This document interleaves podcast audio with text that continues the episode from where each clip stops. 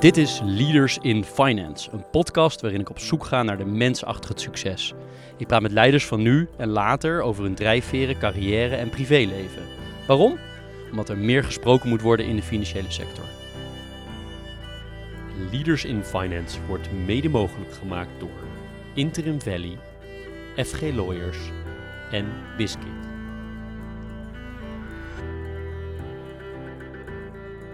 Welkom bij een nieuwe aflevering van Leaders in Finance. Voordat ik mijn gast van vandaag welkom heet en introduceer, wil ik u, jij, de luisteraar, erop wijzen dat er over iedere aflevering van Leaders in Finance meer informatie te vinden is op leadersinfinance.nl. Er is een korte beschrijving van de cv te vinden en ook worden termen opgesomd die door de gasten zijn gebruikt en zijn er bijvoorbeeld alle boeken te vinden die genoemd zijn door de gast. Deze week hebben we te gast Mary Pitterse-Bloem, hoogleraar Financial Markets aan de Erasmus School of Economics en lid van het beleggingscomité van de Private Bank van ABN AMRO, waar zij ook hoofd obligatiebeleggen is. Welkom Mary. Ja, hi. En uh, nou, ik moet ook zeggen, dank dat wij hier bij de, bij de Erasmus School of Economics uh, kunnen zijn, want ik ben ook een beetje te gast bij jou. Um, voordat wij in gesprek gaan, zal ik jou uh, kort introduceren. Uh, Mary studeerde economie aan de Universiteit van Amsterdam en na afronding voltooide zij ook nog een master economie aan de London School of Economics. Mary werkte haar gehele carrière in asset management en specifieke focus ligt daarbij altijd op fixed income. Organisaties waar ze voor werkte zijn onder andere in Londen BNP Paribas, Dreester Kleinword en Lehman Brothers. En ook in Nederland voor ING en APG. De afgelopen vijf jaar werkt ze voor ABN AMRO Private Banking en in haar huidige rol is ze lid van het beleggingscomité waar de beslissingen worden genomen rondom de allocatie van meer dan 200 miljard euro die deze tak van de bank onder haar management heeft. Daarnaast is Mary sinds lange tijd actief in de academische wereld. Ze promoveerde in Tilburg op het onderwerp van de financiële integratie van de bedrijfsobligatiemarkt in Europa. In 2018 werd zij benoemd tot hoogleraar aan de Erasmus School of Economics. Mary komen we vaak tegen in de media. Uh, ik heb veel uh, gezien, gelezen en uh, beluisterd over jou, onder andere van het Financiële Dagblad, van BNR, Business News Radio en ook Bloomberg en Buitenhof, waar jij commentaar geeft op de ontwikkelingen in de markt. Daarnaast is Mary lid van het Bataafs Genootschap, voorzitter van het Rentegilde en is ze ook nog lid van de industriële Grote Club, om een paar dingen te noemen.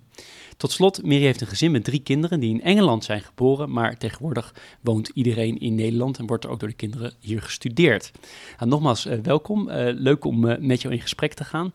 de eerste vraag die ik aan je zou willen stellen, kan je iets zeggen over jouw rol bij ABN AMRO in termen van cijfers? We noemden die 200 miljard, maar kan je iets meer nog over zeggen? Met, met hoeveel mensen werk je daar bijvoorbeeld, dat soort dingen? Ja, 200 miljard, dat klinkt natuurlijk als een waanzinnig groot bedrag. Dat is het ook wel. Um, uh, om je een beeld te geven, uh, om het ergens aan te relateren, uh, dan is 200 miljard, ik denk ongeveer een kwart van het Nederlandse bruto binnenlands product. waarom is dat zoveel geld? Nou, dat is omdat de private bank zit niet alleen in Nederland, maar ook in België, Frankrijk en Duitsland. dus ongeveer de helft van dit ingelegde vermogen is wel Nederlands uh, vermogen, maar de rest komt dus uit de andere uh, drie landen. Um, nou, wat doen wij daarmee? Mensen die willen dus graag dat wij dat beleggen. dat doen wij ofwel voor hun op basis van een, een mandaat, um, of dat doen wij op adviesbasis. Um, en datgene waar een klant zeg maar bij ons een mandaat voor afgeeft, dat, dat wordt direct in een team wat, wat, wat uh, wat, wat in het Global Investment Center zit, uh, in de portefeuilles belegd. En dat is ongeveer een team van 40 mensen die dus ook over die vier landen uh, belegd, sorry, verdeeld zijn. Um, ja, dus dat, dat is een beetje het, het, het, het, het gevoel wat je daarbij kan, kan krijgen. En dat zit dus in meerdere uh, beleggingscategorieën. Dus dat zit niet alleen in obligaties. Uh, ik denk dat dat voor ongeveer 30, 40 procent in obligaties zit. Uh, dat zit voor ongeveer 50 procent, laten we zeggen, in, in aandelen. En dat zit dan nog in een aantal andere beleggingscategorieën. Ja. Als je nou een tijd teruggaat, en uh, nou, laten we zeggen, toen je nog, een, uh, een, nog meer een jonge dame was dan nu, had je ooit gedacht dat je hoogleraar finance zou worden en dat je mede verantwoordelijk zou zijn voor zulke enorme hoeveelheden, uh, zoals we in het Engels zeggen, assets under management? Nee, dat had ik zeker niet gedacht. Ik kan me nog wel herinneren, als jong meisje speelden wij veel spelletjes thuis. En dan speelden ook levensweg. Uh, en dan kom je al heel snel na de eerste worp bij een kruispunt. Neem je de universitaire route of neem je de uh, beroepenroute, zeg maar. Ik nam altijd de in universitaire route, dat wel. Um, alhoewel het in, in mijn familie zeker niet gebruikelijk was om naar de universiteit te gaan. Ik denk dat ik de eerste of de tweede was. En, uh, maar dat, dat leverde interessante beroepen op, zoals uh, advocaat en dokter en dat soort zaken. Maar er stond nooit econoom tussen. dus dat is meer of meer zo vanuit mijn studie uh, gegroeid. Geen spijt gehad? Nee, ja, nee, absoluut niet. Ik, vind, ik heb eigenlijk van mijn grootste hobby mijn beroep gemaakt. Dus dat wat, wat ik doe, dat, dat voelt ook helemaal niet als werk. Ja. En je hebt een, denk ik, een mooie combinatie, tenminste dat vind ik, tussen aan de ene kant uh, in de academie uh, actief zijn en tegelijkertijd heel praktisch, tussen aanstekens praktisch, bij ABN AMRO. Maar hoe combineer je dat soort taken? En daarnaast ben je ook nog heel actief in de, in, hè, in de vorming van het debat over allerlei onderwerpen. Ja. Hoe, hoe combineer je dat allemaal? Ja, uh, nou, ik vind dat ook een, uh, een prachtige combinatie. En dat is ook de, de, uh, de combinatie waarvoor ik heel graag terugkwam naar Nederland. Want het is best wel uniek. Uh, in Nederland dat we dit soort combinatieaanstellingen hebben. Hè. Je ziet het heel veel natuurlijk in accountancy, uh, uh, in de advocatuur of de rechtssfeer, in de medische sfeer. Maar je ziet het in het, in, het, in het buitenland, zeker niet in de economische of financiële sfeer, zo, zozeer als dat je dat hier bij ons ziet. En ik vind het een enorme verrijking. Um, en onze studenten vinden het ook um, um, heel erg goed natuurlijk om niet alleen van volledige hoogleraren, zeg maar, mensen die zich alleen maar met de academische wereld uh, les en onderricht te krijgen, maar ook mensen vanuit de, vanuit de praktijk. En ik, ik ben zo iemand die dus zeg maar die combinatie doet met, met de praktijk. en ik was die balans even kwijt in, in Engeland.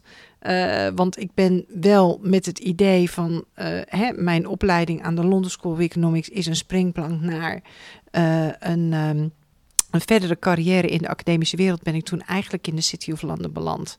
Um, en daar was alleen maar tijd voor werken. Dat zijn echt banen. Dat zijn geen eens banen. Dat is een, een, een way of life, zeg ik altijd. waarbij je gewoon compleet werd geabsorbeerd uh, door uh, die functies. Was ook een, een, bijzonder leuke, zeer intensieve tijd. Ik heb ontzettend veel daar geleerd. Um, maar op een gegeven moment word je wel zeg maar zodanig specialistisch dat ik miste eigenlijk de intellectuele uitdaging. Ik ben er toen uh, tussenuit gegaan, vijf, zes jaar, om, om, om weer zeg maar die intellectuele kant en die academische kant weer op te zoeken. En daarna besloot dat wil ik ook niet meer loslaten. Um, dus toen kon ik in Nederland de combinatie aanstelling krijgen. Toen heb ik gezegd met mijn gezin, kom, we gaan weer terug. En zoals ik al zei in de inleidingen, je bent ook uh, actief uh, uh, nou ja, daarbuiten in de, in de media, in mm. de vorming van debat. Daarbij heb je het over best wel veel verschillende onderwerpen. Tenminste, het zal waarschijnlijk een rode draad zijn, maar ik zie best wel, hè, zoals pensioenen bijvoorbeeld. Ja. Is dat nou, mag jij van iedereen over alles praten? Dus bedoel ik van jouw werkgever de universiteit, van jouw werkgever de bank. Mag je altijd gewoon vertolken wat jij wil zeggen? Um, nou, ik probeer natuurlijk wel zoveel mogelijk ruimte uh, te pakken. Uh, ik vind dat ook dat je als hoogleraar uh, over veel dingen mag uitspreken.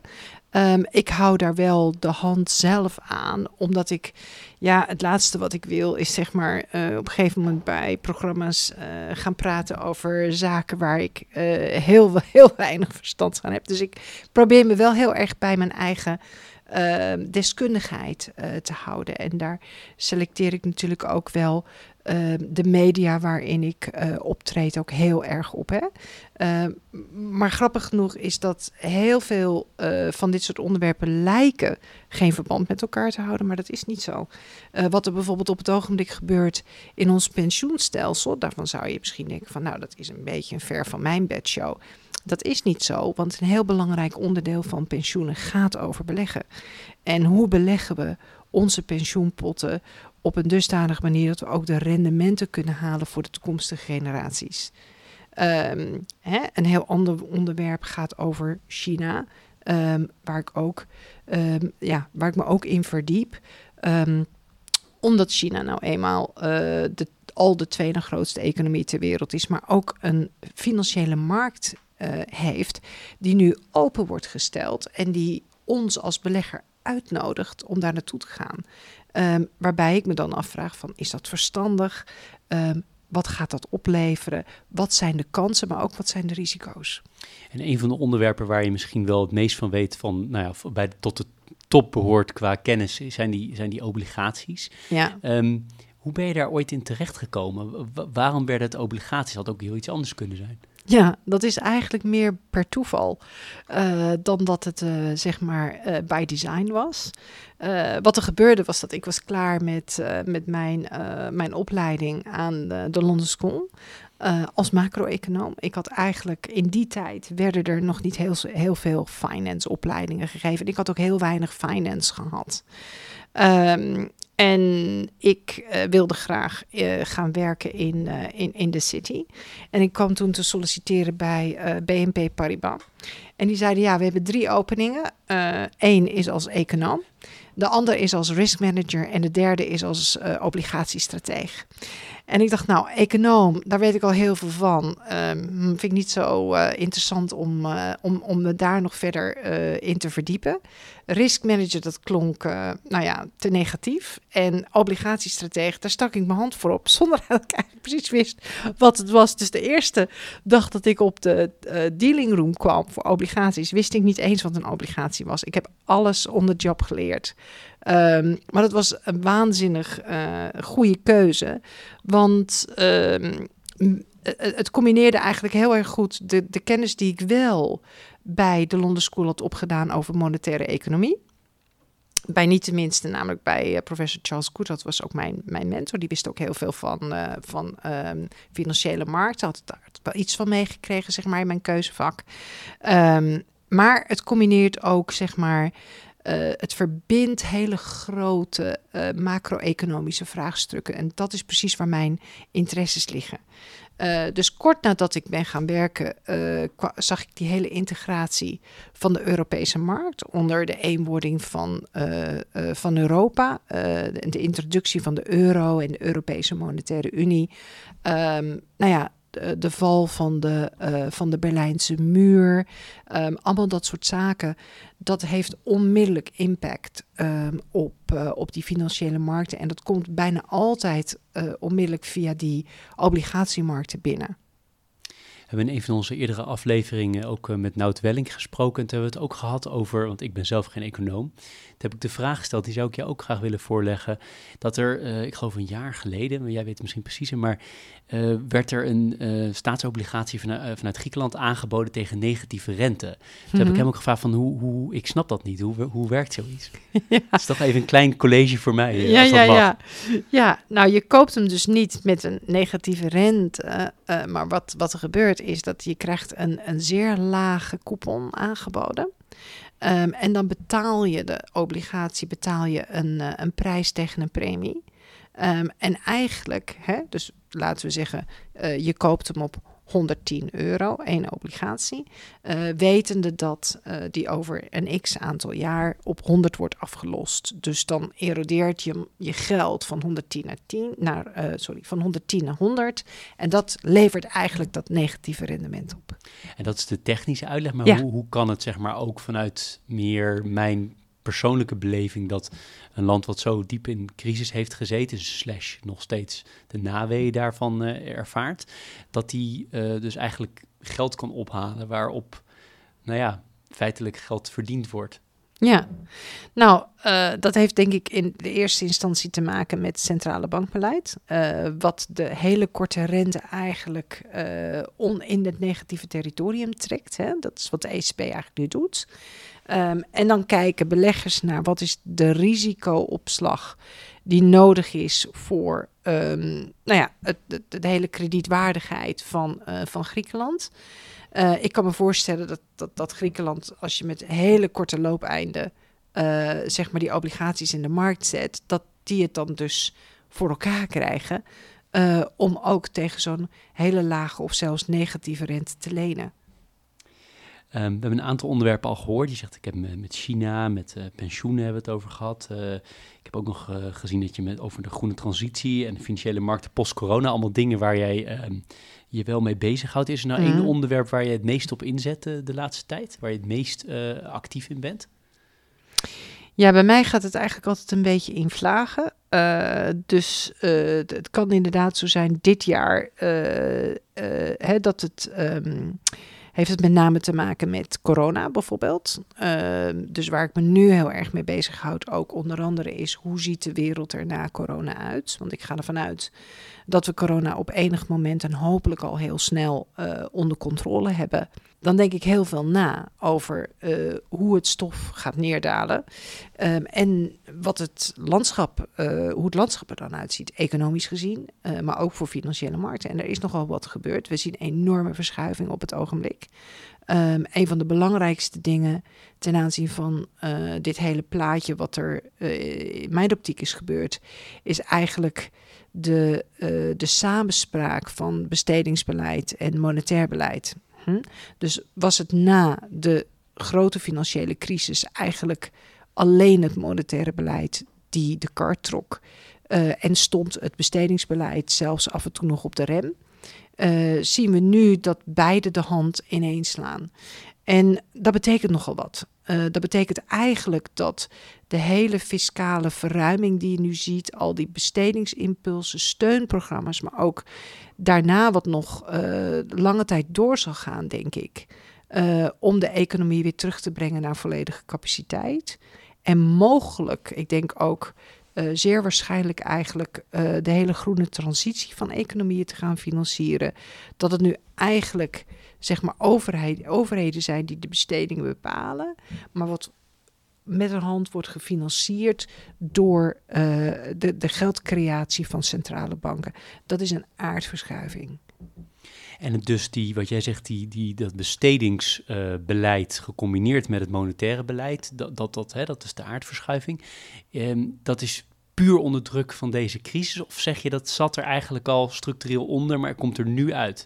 Ik denk dat uh, eigenlijk daar uh, de gedachtes al voor uh, warm werden gemaakt in aanloop naar deze crisis, zonder dat we wisten überhaupt dat we begin van dit jaar met zo'n enorme crisis te maken zouden krijgen. Maar er werden al eerder, liep, riep bijvoorbeeld Christine Lagarde van de ECB, maar ook de nieuwe dame die bij het EMF aan het hoofd staat van centrale banken, kunnen dit niet langer allemaal alleen doen. Um, en ze hebben hulp nodig van, van overheden. Um, er werd, uh, zeg maar, uh, vijf, zes jaar geleden bijvoorbeeld nog veel gesproken over structurele hervormingen. Dat hoor je nu, helaas, vind ik, helemaal niet meer. Um, nu kwam de coronacrisis, diende zich aan. Er moest heel snel geacteerd worden. Dat is ook gebeurd. En dat is eigenlijk gebeurd door onmiddellijk, zeg maar, uh, die bestedingen aan te zwengelen. Omdat men wist dat de, de klap vindt dit keer plaats in de reële economie. En niet zozeer zoals in de vorige crisis bij, bij banken of in de, in de financiële sector. Dit gaat echt om uh, mensen met ondernemingen die geraakt worden. En die moeten geholpen worden. Um, centrale banken kwamen als eerste over de brug. Uh, met enorme uh, verruimingspakketten, opkoopprogramma's, et cetera. Maar ze zeiden, wij kunnen dit niet alleen, we hebben de overheden nodig. En de overheden zijn toen onmiddellijk bijgesprongen met, een, met, met deze een, enorme uitgaven, zeg maar. En als je het heel simpel stelt, is het grote risico hier dat we het allemaal niet kunnen terugbetalen?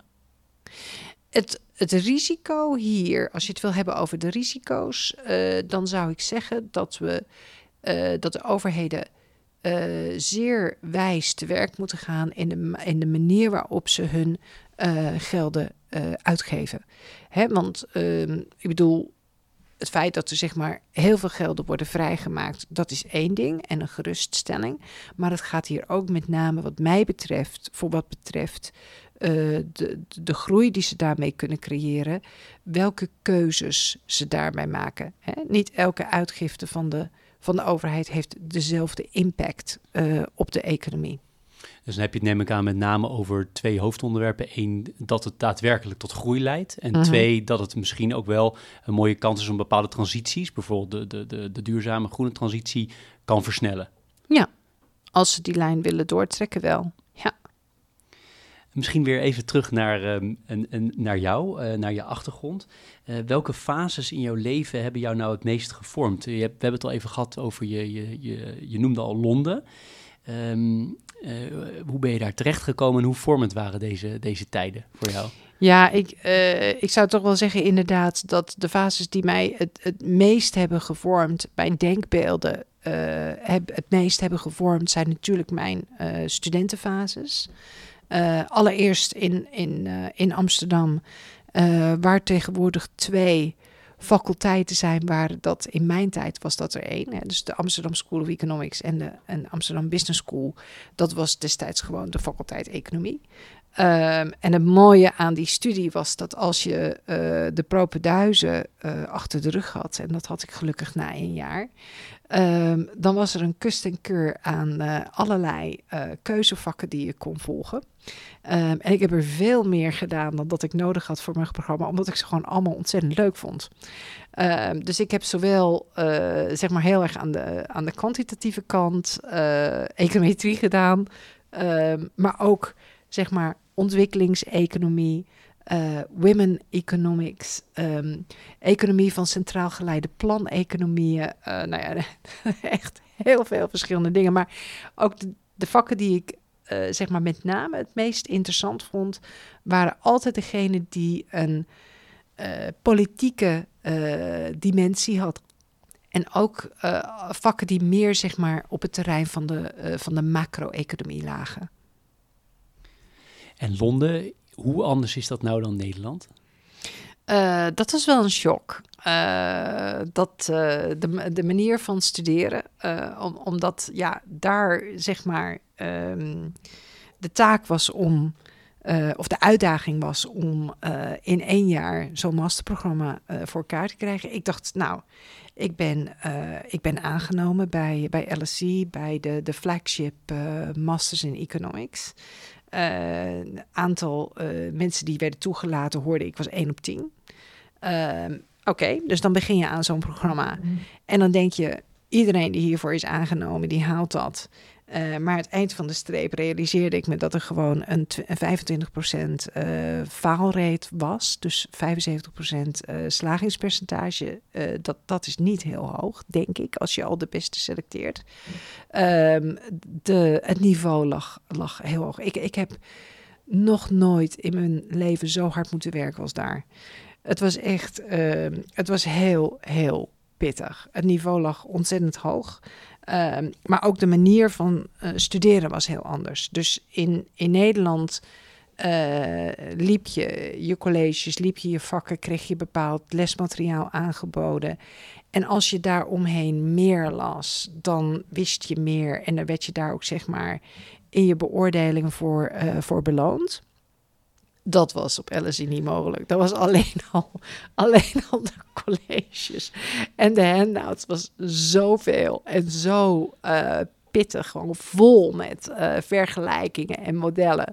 Ehm, dat mijn strategie kwam ik achter in eh, ehm, eh, tijdens de kerstperiode. Ik, ik studeerde in het, in het British Museum.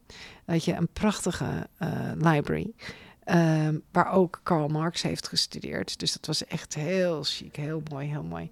En toen zat ik er dit te overdenken. En toen dacht ik, ik ga het met deze strategie niet redden. Ik moet iets heel anders gaan doen.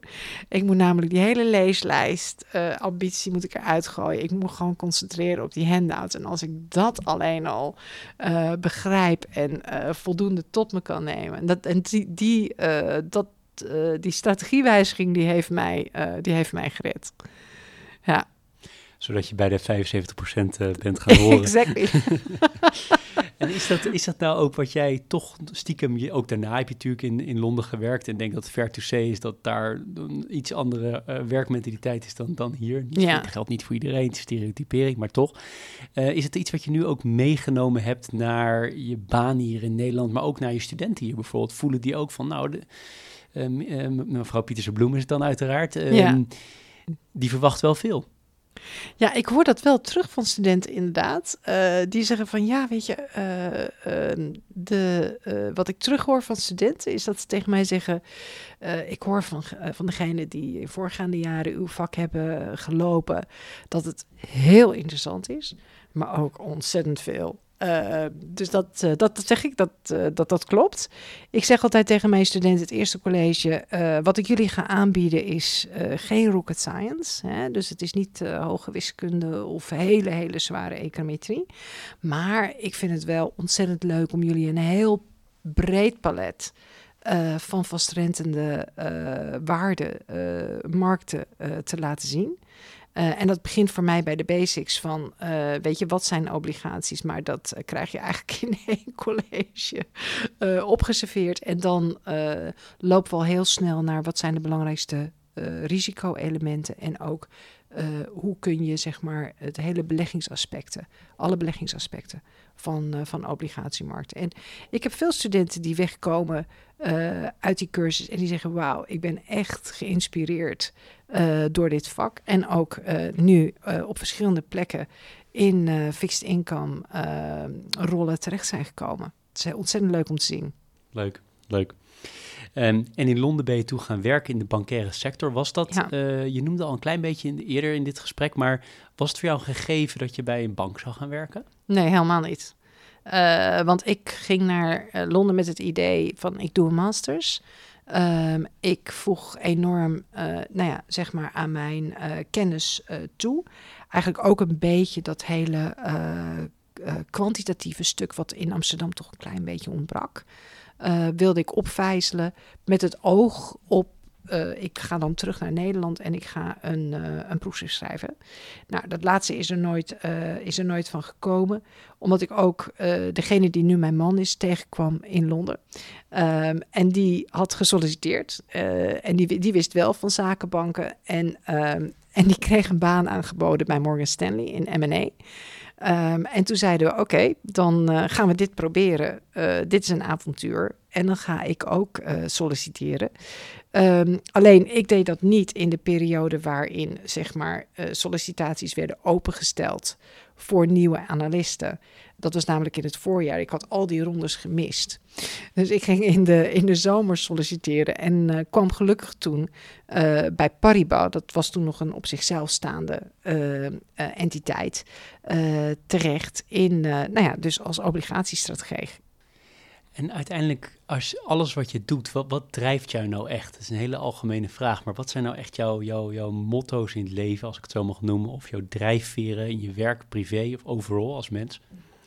Ja, uh, voor mij gaat heel veel om kennis uh, en om impact. Dat, dat is eigenlijk de combinatie uh, die, die mij het meest motiveert. Dus kennis niet om de kennis zelf, maar kennis om op een hele goede manier invloed uh, uit te kunnen oefenen.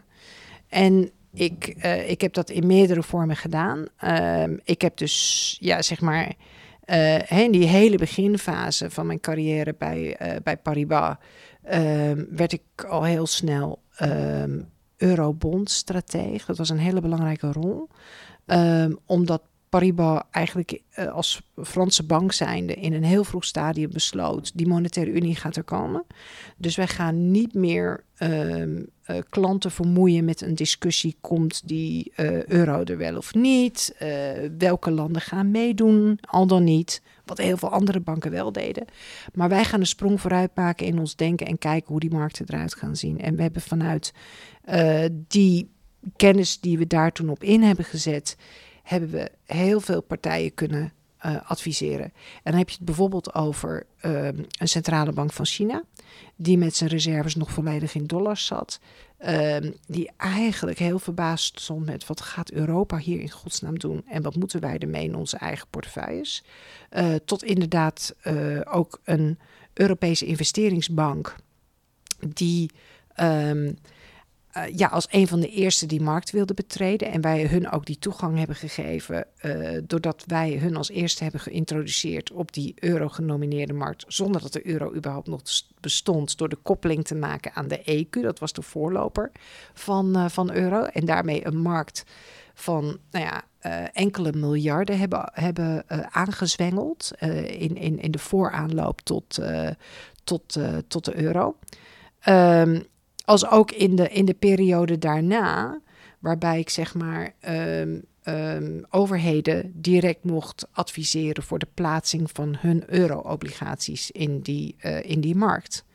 Dus het gaat bij mij altijd over eh, eh, heel veel kennis, specialistische kennis, ontwikkeling, om grote partijen eh, te kunnen adviseren. En ik wilde ook later, weet je, dan kom je, eh, als je wat ouder wordt, eh, heb je ook de ambitie van, ja, tenminste bij mij, zo werkt het bij mij wel, om ook op een andere manier dingen terug te kunnen geven aan de maatschappij.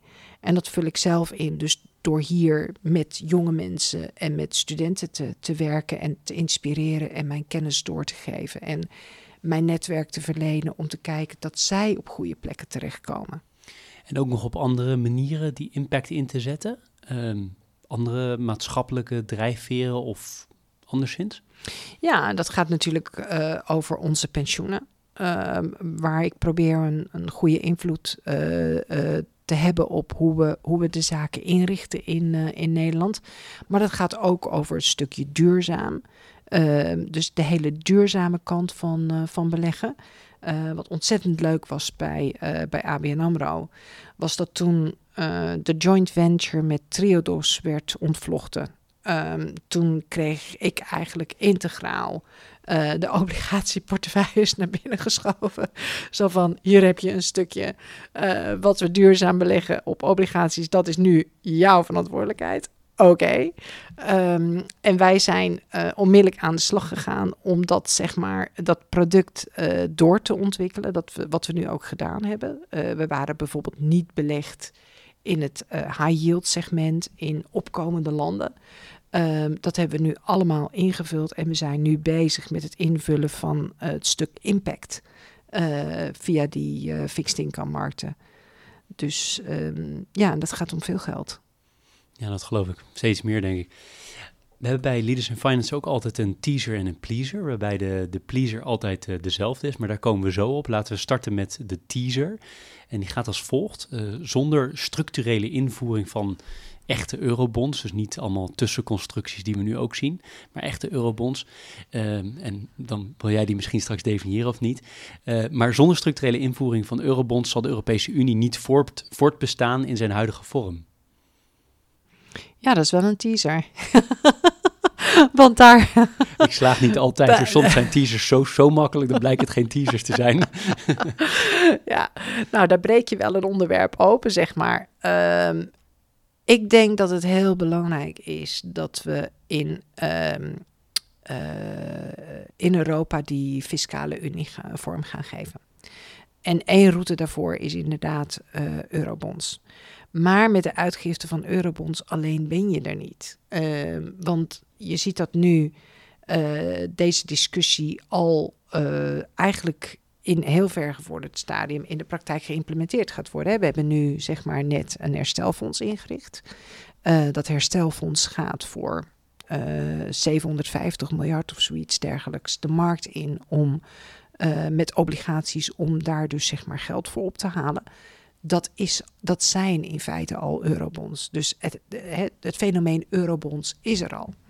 Maar je moet ook kijken naar de discussie die daar uh, in de aanloop daar naartoe heeft plaatsgevonden. En die gaat over, uh, nou, als we dan het geld ophalen en we verdelen dat, uh, want daar zit het EU-budget zit daar zeg maar achter als, uh, als, als garantie. Hoe gaat die verdeling dan plaatsvinden? En, en is daar enige, um, hoe zeg je dat, um, voorwaardelijkheid aangekoppeld? Nou, dat is wat Nederland bijvoorbeeld heel graag wilde. Uh, richting, de, richting de zuidelijke landen. En ik denk dat we die, uh, nou, die voorwaardelijkheid, die is er nagenoeg niet. Ik denk dat die er ook moet zijn. Dus ik denk dat je, daar gaat over het voeren van een gezamenlijk bestedingsbeleid. Dat gaat over het aanstellen van een Europese minister van Financiën. Um, dat gaat om zekere wederkerigheid. En waarom zouden we dat willen? Omdat we hebben, we hebben één heel groot probleem in Europa. Um, en dat is het probleem wat Klaas Knot ook recentelijk heeft benoemd in zijn HJ schoollezing. En dat gaat over scheefgroei. En het feit dat we um, in, uh, uh, in de verschillende landen verschillende groeipaden hebben. En daarbij behorende verschillende schuldenratio's. En de coronacrisis heeft dat nog weer eens een keer versterkt. En daar moeten we wel de juiste mechanismes voor vinden om dat, uh, om dat aan te pakken. Nou, dat is een, heel, dat is een hele complexe problematiek. Um, waarvan ik zeg dat eurobonds uh, daar uh, mogelijk één stukje van de puzzel van zijn om dat van op te lossen, maar zeker niet de enige. En je haalt die H.J. Scho-lezing uh, aan, hè, waar Klaas Knot inderdaad betoogt wat jij zegt. En daarbij nog, denk ik, extra ook toelicht dat landen zoals Nederland enorm hebben geprofiteerd uh, van, de, van de Unie tot nu toe, van de Europese Monetaire Unie. En uh, dat dat veel meer profiteren is dan de zuidelijke landen. Maar waar ik naartoe wil is, als je die lezing bekijkt en je zou die vertalen naar het Italiaans, en die, dat is misschien al gebeurd, denk je dat die lezing in de zuidelijke landen ook helemaal, dat men ook de handen ervoor op elkaar krijgt? Ja, nou, in eerste instantie even een opmerking over het profiteren. Dat vind ik altijd zeer eenzijdig uh, belicht. Ik denk dat alle landen die in, uh, in, in, in de monetaire unie zitten, uh, in zekere zin daarvan pro profiteren. Omdat je gewoon één heel groot handelsblok en machtsblok hebt uh, in de wereld. En dat is ook zeker uh, ten aanzien van de opkomst van China is dat heel handig om dat wel te hebben. Um, maar ik denk wel dat je moet kijken wat de fundamenten zijn van de, van de monetaire unie. Um, en dat het, het heeft eigenlijk veel te lang alleen op het been van de monetaire eenwording uh, gerust en veel te weinig op het been van de fiscale eenwording. Nou, de manier waarop je die fiscale eenwording inricht, uh, daar verschillende meningen heel sterk over binnen Europa. En daar moeten we denk ik nog wel ja, uh, de nodige uh, eieren overgelegd worden, denk ik. ja. Dat is een best wel, best wel, wel ja. een understatement, inderdaad. Ja. En, uh, ja, ja, maar goed, een, een, vis, een, fiscale unie, dat is wel iets waar we naartoe zouden moeten werken, wat jou betreft. Volgens mij kan ik dat wel, wel zo samenvatten. Ja, en dan, en dan ook natuurlijk één. de eenwording van de, van de financiële markt die daaronder ligt. En dat gaat niet alleen over de markt van aandelen en, uh, en obligatie, maar ook uh, zeg maar uh, de bankmarkt bijvoorbeeld. Dat is ook heel belangrijk. Helder. En aan de pleasende kant, nou ja, jij leest ongetwijfeld heel veel, mm -hmm. maar wij vragen altijd, zijn er bepaalde boeken die jou, misschien heel lang geleden, misschien heel recent, die jou sterk beïnvloed hebben of inspireren, of misschien boeken die jij heel graag cadeau geeft aan mensen? Ja, nou, ik lees, ik lees inderdaad heel veel.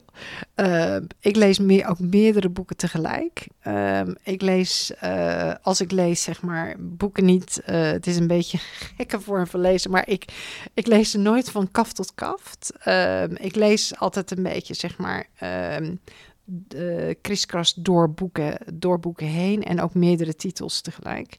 En dat gaat, maar dat gaat bij mij wel vaak op thema.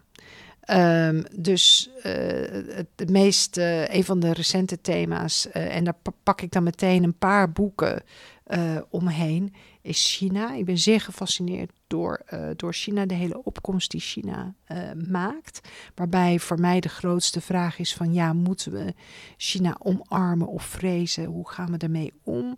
Um, als economie zijnde, maar ook voor mij als belegger zijnde eigenlijk. Uh, nou ja, en wat zijn dan de boeken uh, die ik daarbij lees? Uh, een heel mooi boek vond ik van Rob de Wijk bijvoorbeeld, De Nieuwe Wereldorde. maar ook het boek De Nieuwe Keizer, wat heel erg gaat over de persoon Xi Jinping. maar ook bijvoorbeeld China's grote Wall of Debt. Ehm, dus de hele schuldenproblematiek die uh, natuurlijk onderliggend uh, is. Um, ja, dus dat zijn zeg maar een aantal boeken rondom het thema China. Um, ik heb uh, andere thema's die ik natuurlijk die ik ook aanvat. Hè? Dus dat gaat dan bijvoorbeeld over het hele duurzaamheidsverhaal.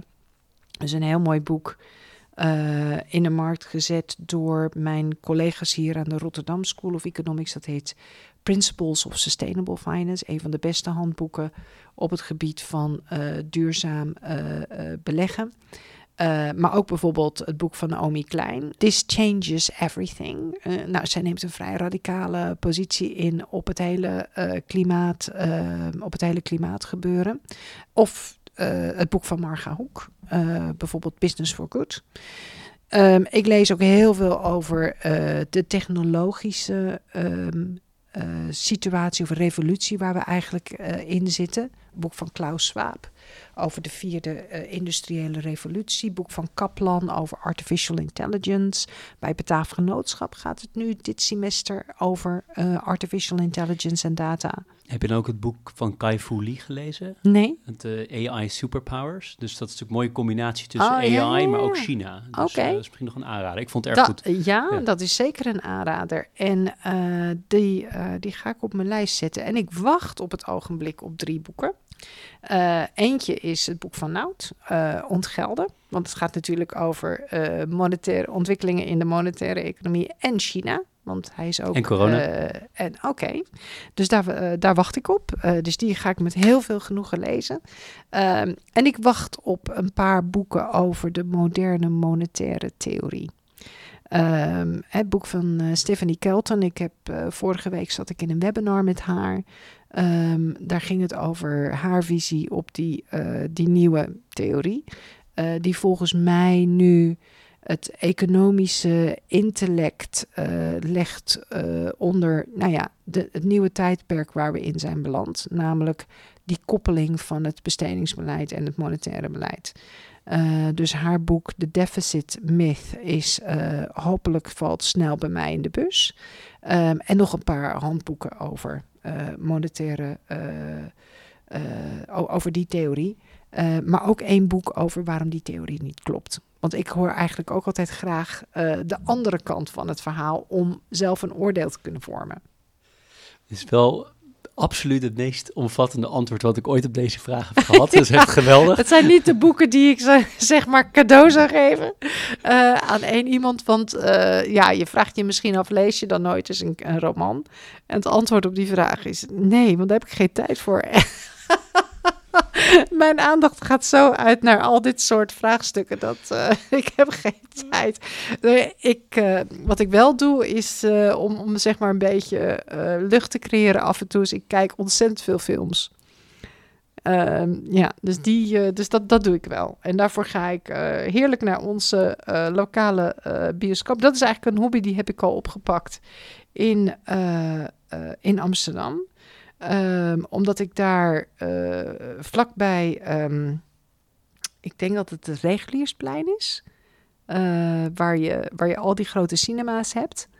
Ehm, dus ik woonde vlakbij de cinema's en ik woonde ook in, eh, in Londen vlakbij de cinema's. En ik vind het ontzettend leuk om naar de cinema te gaan. Dus een van de laatste films die ik heb gezien was, was Tenet.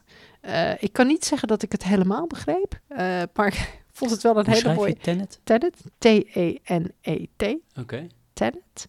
Ehm, en die, is, eh, die, die haalt ontzettend veel geld op eh, op het ogenblik. Dus die, die, die film is waanzinnig populair. Hij speelt ook nog steeds.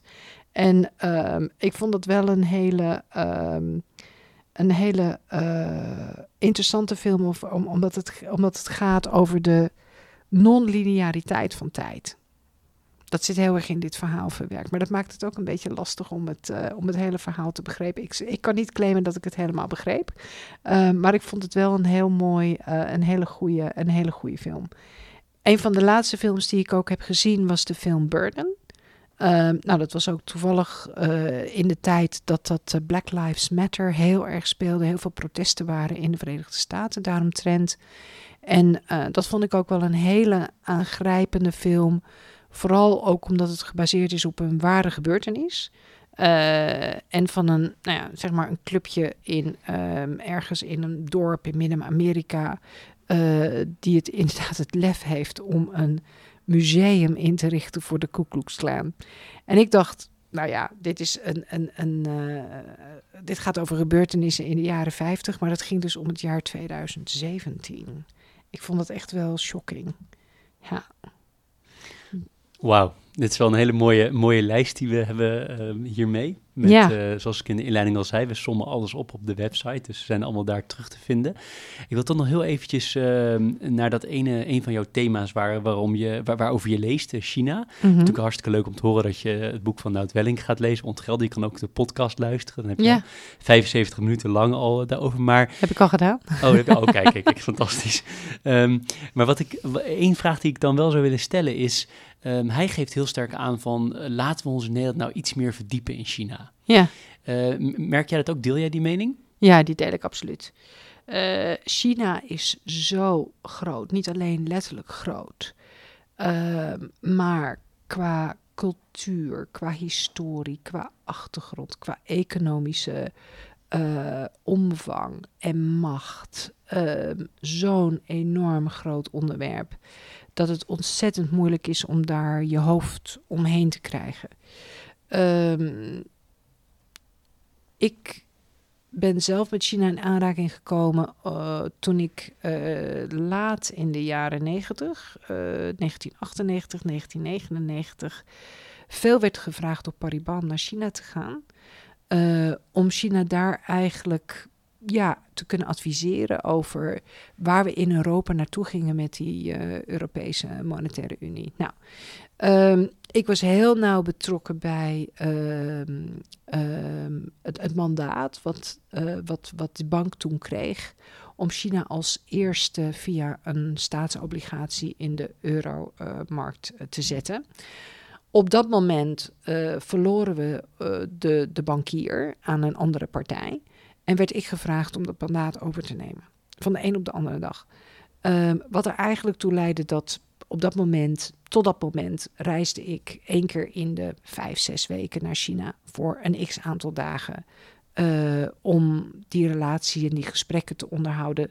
Uh, dat ging toen in een versnelling naar één, één keer in de drie weken. En ik moest heel veel, uh, zeg maar, leren over China. Dus dat is voor mij in die tijd al begonnen. Um, en ik heb altijd, zeg maar, een beetje mijn kennis over China bijgehouden. En, en nog steeds denk ik dat ik lang niet alles weet. Um, want het is een ontzettend omvangrijk uh, onderwerp. Ik denk wel absoluut noodzakelijk. Ik denk dat China is nu al zo groot dat we er niet omheen kunnen. Ik heb uh, twee weken geleden uh, een podcast opgenomen uh, van Pensioenpro. Dat ging helemaal over China. En ik heb toen als aanbeveling meegegeven aan het luisterend publiek: dit moet absoluut op de tafel van elk pensioenbestuur liggen. Wat gebeurt er in China en wat moeten we ermee? Maar dat geldt, eigenlijk kun je hem over de hele brede linie trekken. Dat geldt voor elke instantie in de financiële sector. Dat geldt voor elk groot bedrijf, elk internationaal bedrijf moet nadenken: wat gebeurt er in China wat moeten we ermee? En onze overheid moet er ook over nadenken. Wat is ons antwoord op uh, Made in China 2025? Dat gaat erom dat China dus probeert uh, de tech technological power nummer één te zijn op technologisch gebied. Als je ziet hoe zij bezig zijn met artificial intelligence, met data, alles wat ze daaromheen zetten. Um, het, de, het geld, de innovatie um, en daarbij ook dit hele One Belt, uh, One Road Initiative, die allemaal samenpakken rondom hetzelfde doel. Um, dan is dat heel, heel krachtig. En wij hebben daar in Europa, en dat zeg ik niet alleen, dat zeggen heel veel anderen, um, onvoldoende beleid en antwoord op. Wauw, interessant antwoord. Misschien ga je net als uh, Nout Welling ook nog wel eens op een, uh, op een board zitten in, uh, in China. Wie weet. Je doet ongelooflijk veel dingen. ik vind het heel indrukwekkend wat ik nu allemaal hoor, wat ik ook van tevoren gelezen heb. heb. Um, hoe combineerde, want je bent altijd heel actief geweest en nu nog steeds, hoe combineer je dat met je eh, privéleven? Je hebt ook eh, kinderen, zoals we in de inleiding hoorden. Eh, een, een man die werkte in ieder geval toen, toen je startte, vertelde je bij Morgan Stanley. Hoe, hoe combineer je dat? Ja, dat is wel een, dat is wel een uitdaging. Ik ehm, heb, heb gelukkig. ehm, eh, gelukkig kan ik heel goed dingen organiseren. en ik kan ook loslaten. Eh, dus dat wil zeggen dat ehm, hè, bijvoorbeeld in mijn huishouden ehm, heb ik er niet zoveel moeite mee als daar niet altijd alles even eh, perfect eh, is, bijvoorbeeld. Ehm, en ik kan ook heel graag, ik kan ook dingen loslaten aan anderen. Dus, ehm, en ik kan heel goed eh, hulptroepen eh, organiseren. En ik heb mijn kinderen al van heel jongs af aan heel zelfstandig gemaakt. Want als, als je dat niet kan, ehm, en als je eh, dan, dan, dan word je zeg maar in die hele huiselijke sfeer gaat zoveel tijd zitten dat je voor al het andere geen, geen tijd meer hebt. Bij mij werkt het eerder andersom. dat ik zeg maar in mijn zakelijke sfeer zoveel dingen te doen heb. Dat ik ook ergens een grens moet trekken en zeggen van hier stopt het. Eh, want ik wil, ook heel, ik wil ook de nodige tijd eh, eh, besteden met mijn gezin. Dat vind ik heel belangrijk. Deze coronatijd is heel vervelend. Maar heeft voor mij in ieder geval het hele positieve element erin gebracht. Dat ik veel meer van mijn werk kan combineren met mijn gezin. Alleen al door het feit dat ik thuis zit. En veel meer betrokken ben bij wat er in het gezin gebeurt. En dat was toevallig ook in een heel belangrijk eh, eh, jaar van overgang, waarbij maar alle drie mijn kinderen eigenlijk een overgang maakten, ofwel van basisschool naar middelbare school, of eh, van studie, of van de eerste naar de tweede klas. Ehm, en die hadden daar allebei, zeg maar, ja, heb ik ze daarbij kunnen, meer kunnen begeleiden dan dat ik anders had kunnen doen.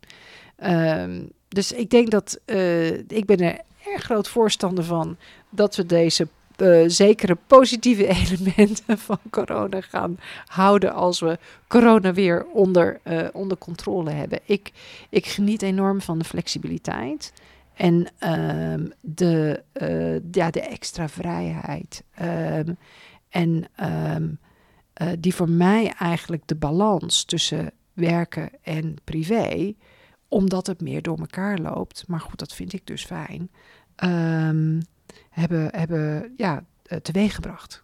En hoe zorg je dat je fit blijft, mentaal en fysiek?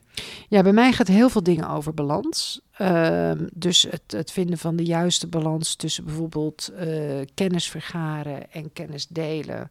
Ehm, gaat het ook voor mij eh, in deze sfeer heel erg om de, om de balans. Eh, dus geestelijk in balans zijn en lichamelijk in, eh, in balans zijn. Ja, en wat ik, daar, wat ik daarvoor doe is. ehm, ehm, ik zie het leven heel erg ook als het lopen van een marathon en niet als een sprint. Ehm, dus je moet ook af en toe je pauzes nemen, ehm, afswitchen, ehm, andere dingen kunnen doen. En wat, wat mijn methodieken daarvoor zijn, is eh, bijvoorbeeld eh, op, op een zaterdag vind ik het heerlijk om een beetje rondom het huis eh, te potteren en met mijn handen bezig te zijn. En vooral een beetje in mijn tuin. Ehm, allemaal mooie nieuwe bloemetjes aanleggen en dingetjes doen en zo. Dat vind, ik, dat vind ik echt ontzettend leuk. Ik woon heel dicht bij het strand. Dus ik pak vaak de fiets en ga richting het strand.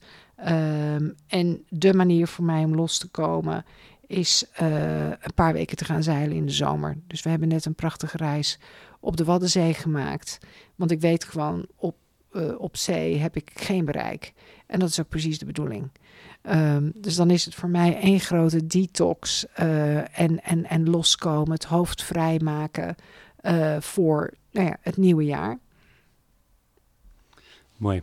Een van de vorige gasten, Matthijs Bierman van Triodos, die eh, zijn ehm, boek wat hij adviseerde was The Riddle of the Sands. Over, hij zei, het is alleen voor mensen die van zeilen houden. Oh, Dus misschien is dat wat voor jou. gaat, eh, over zeilen, zeilen op de Waddenzee ook nog. Dus, eh, kijk. Een beetje toewerkende naar het, naar het einde. De vraag die ik altijd stel is: Heb je nou bepaalde tips? Het is een hele algemene, ik weet het, maar bepaalde tips voor mensen die nu aan hun loopbaan beginnen. Misschien in de financiële sector of in zijn algemeenheid, maar waar, wat zou je hen willen meegeven? Ah, ehm, mensen die aan het begin van hun loopbaan staan, die staan best wel voor een uitdaging. Uh, denk ik. Uh, er zijn ook heel veel kansen, met name op het gebied van artificial intelligence en data, denk ik, waar we ook mensen heel hard nodig uh, gaan hebben. Ehm, maar kijk niet alleen als je, uh, weet je, je, je keuze maakt voor je studie naar wat je er noodzakelijkerwijs mee kan doen. Ik denk dat je in eerste instantie moet kijken van waar ligt je interesse. Ik ben, ik ben nooit aan de studie economie begonnen met het oog op van ik ga daar mega uh, uh, salaris mee verdienen. Daar lag ook helemaal mijn interesse uh, niet. Ik, heb, ik ben economie gaan studeren vanuit een intrinsieke motivatie voor, voor, voor, voor dat vakgebied, zeg maar. En dat is denk ik ook de manier waarop je het het langste volhoudt.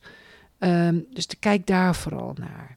Ik denk ook, uh, iedereen wil ik meegeven, niet alleen mensen die aan het begin van hun loopbaan staan, maar ook um, nu werkzaam zijn. Um, bereid je voor op, uh, op het feit dat je carrière eigenlijk lifelong learning is. Dus daag jezelf uit om telkens weer op verschillende plekken en verschillende manieren kennis aan jezelf toe te voegen. Um, en tot slot, um, word zeg maar, um, neem het lot in eigen handen.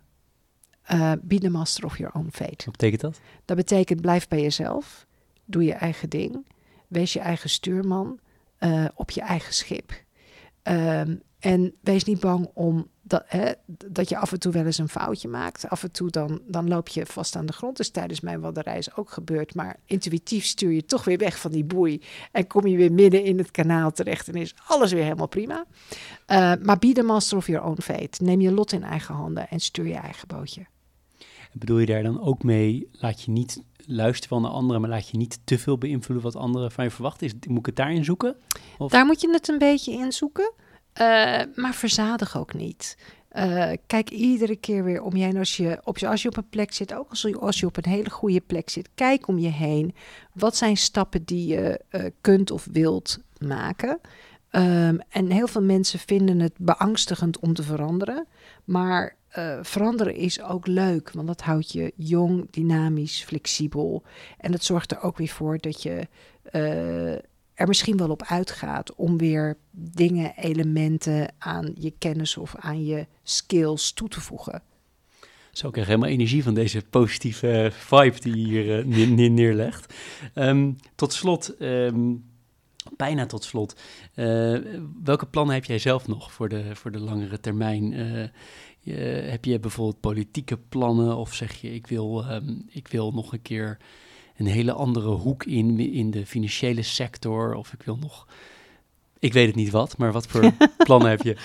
Ja, het is, het is lastig altijd om je, uh, uh, je plannen, zeg maar, uh, zo duidelijk eh, te vormen. Want dat kan ook beperkend zijn. Hè? Um, maar ik heb eh, wel, zeg maar, bepaalde ambities in, in verschillende richtingen. Um, tja, wat zijn, die, wat zijn die ambities dan? Um, die liggen op meerdere terreinen. Uiteraard uh, hè, ten aanzien van het onderzoek wat ik doe, uh, maar ook ten aanzien van wat ik nog kan betekenen.